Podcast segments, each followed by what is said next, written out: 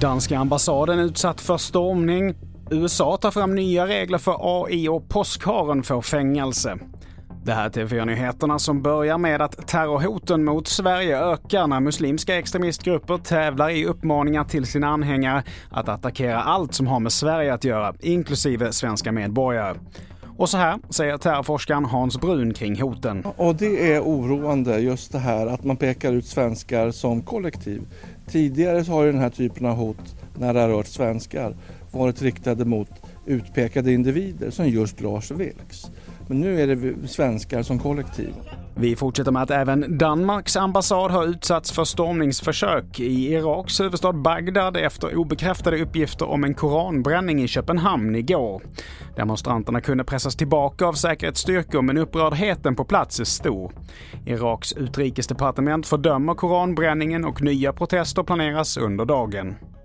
Så vidare till USA där president Biden och de sju största AI-företagen kommit överens om regler för den nya tekniken. Bland annat så ska ett system som vattenmärker innehåll göra att användarna kan se när det är skapat av artificiell intelligens. Och så här säger president Biden om de nya reglerna. These commitments which uh, the companies will implement immediately underscore three fundamental principles. Safety, security and trust. Så till Sverige, där vid femtiden i morse så larmades polisen till ett industriområde i Kista där man hittade tre män svårt stickskadade utanför en restaurang. Männen som är mellan 20 och 30 år gamla fick föras till sjukhus med ambulans. Och nu har polisen gripit fem personer och man utesluter inte att det kan bli fler.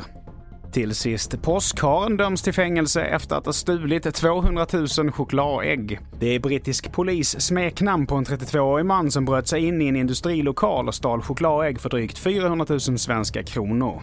Mannen har nu dömts till 18 månaders fängelse.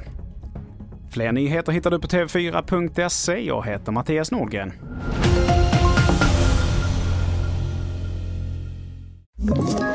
Ett poddtips från Podplay.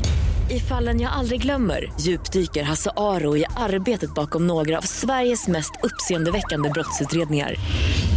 Går vi in med hemlig telefonavlyssning och, och då upplever vi att vi får en total förändring av hans beteende. Vad är det som händer nu? Vem är det som läcker? Och så säger han att jag är kriminell, jag har varit kriminell i hela mitt liv men att mörda ett barn, där går min gräns. Nya säsongen av Fallen jag aldrig glömmer på Podplay.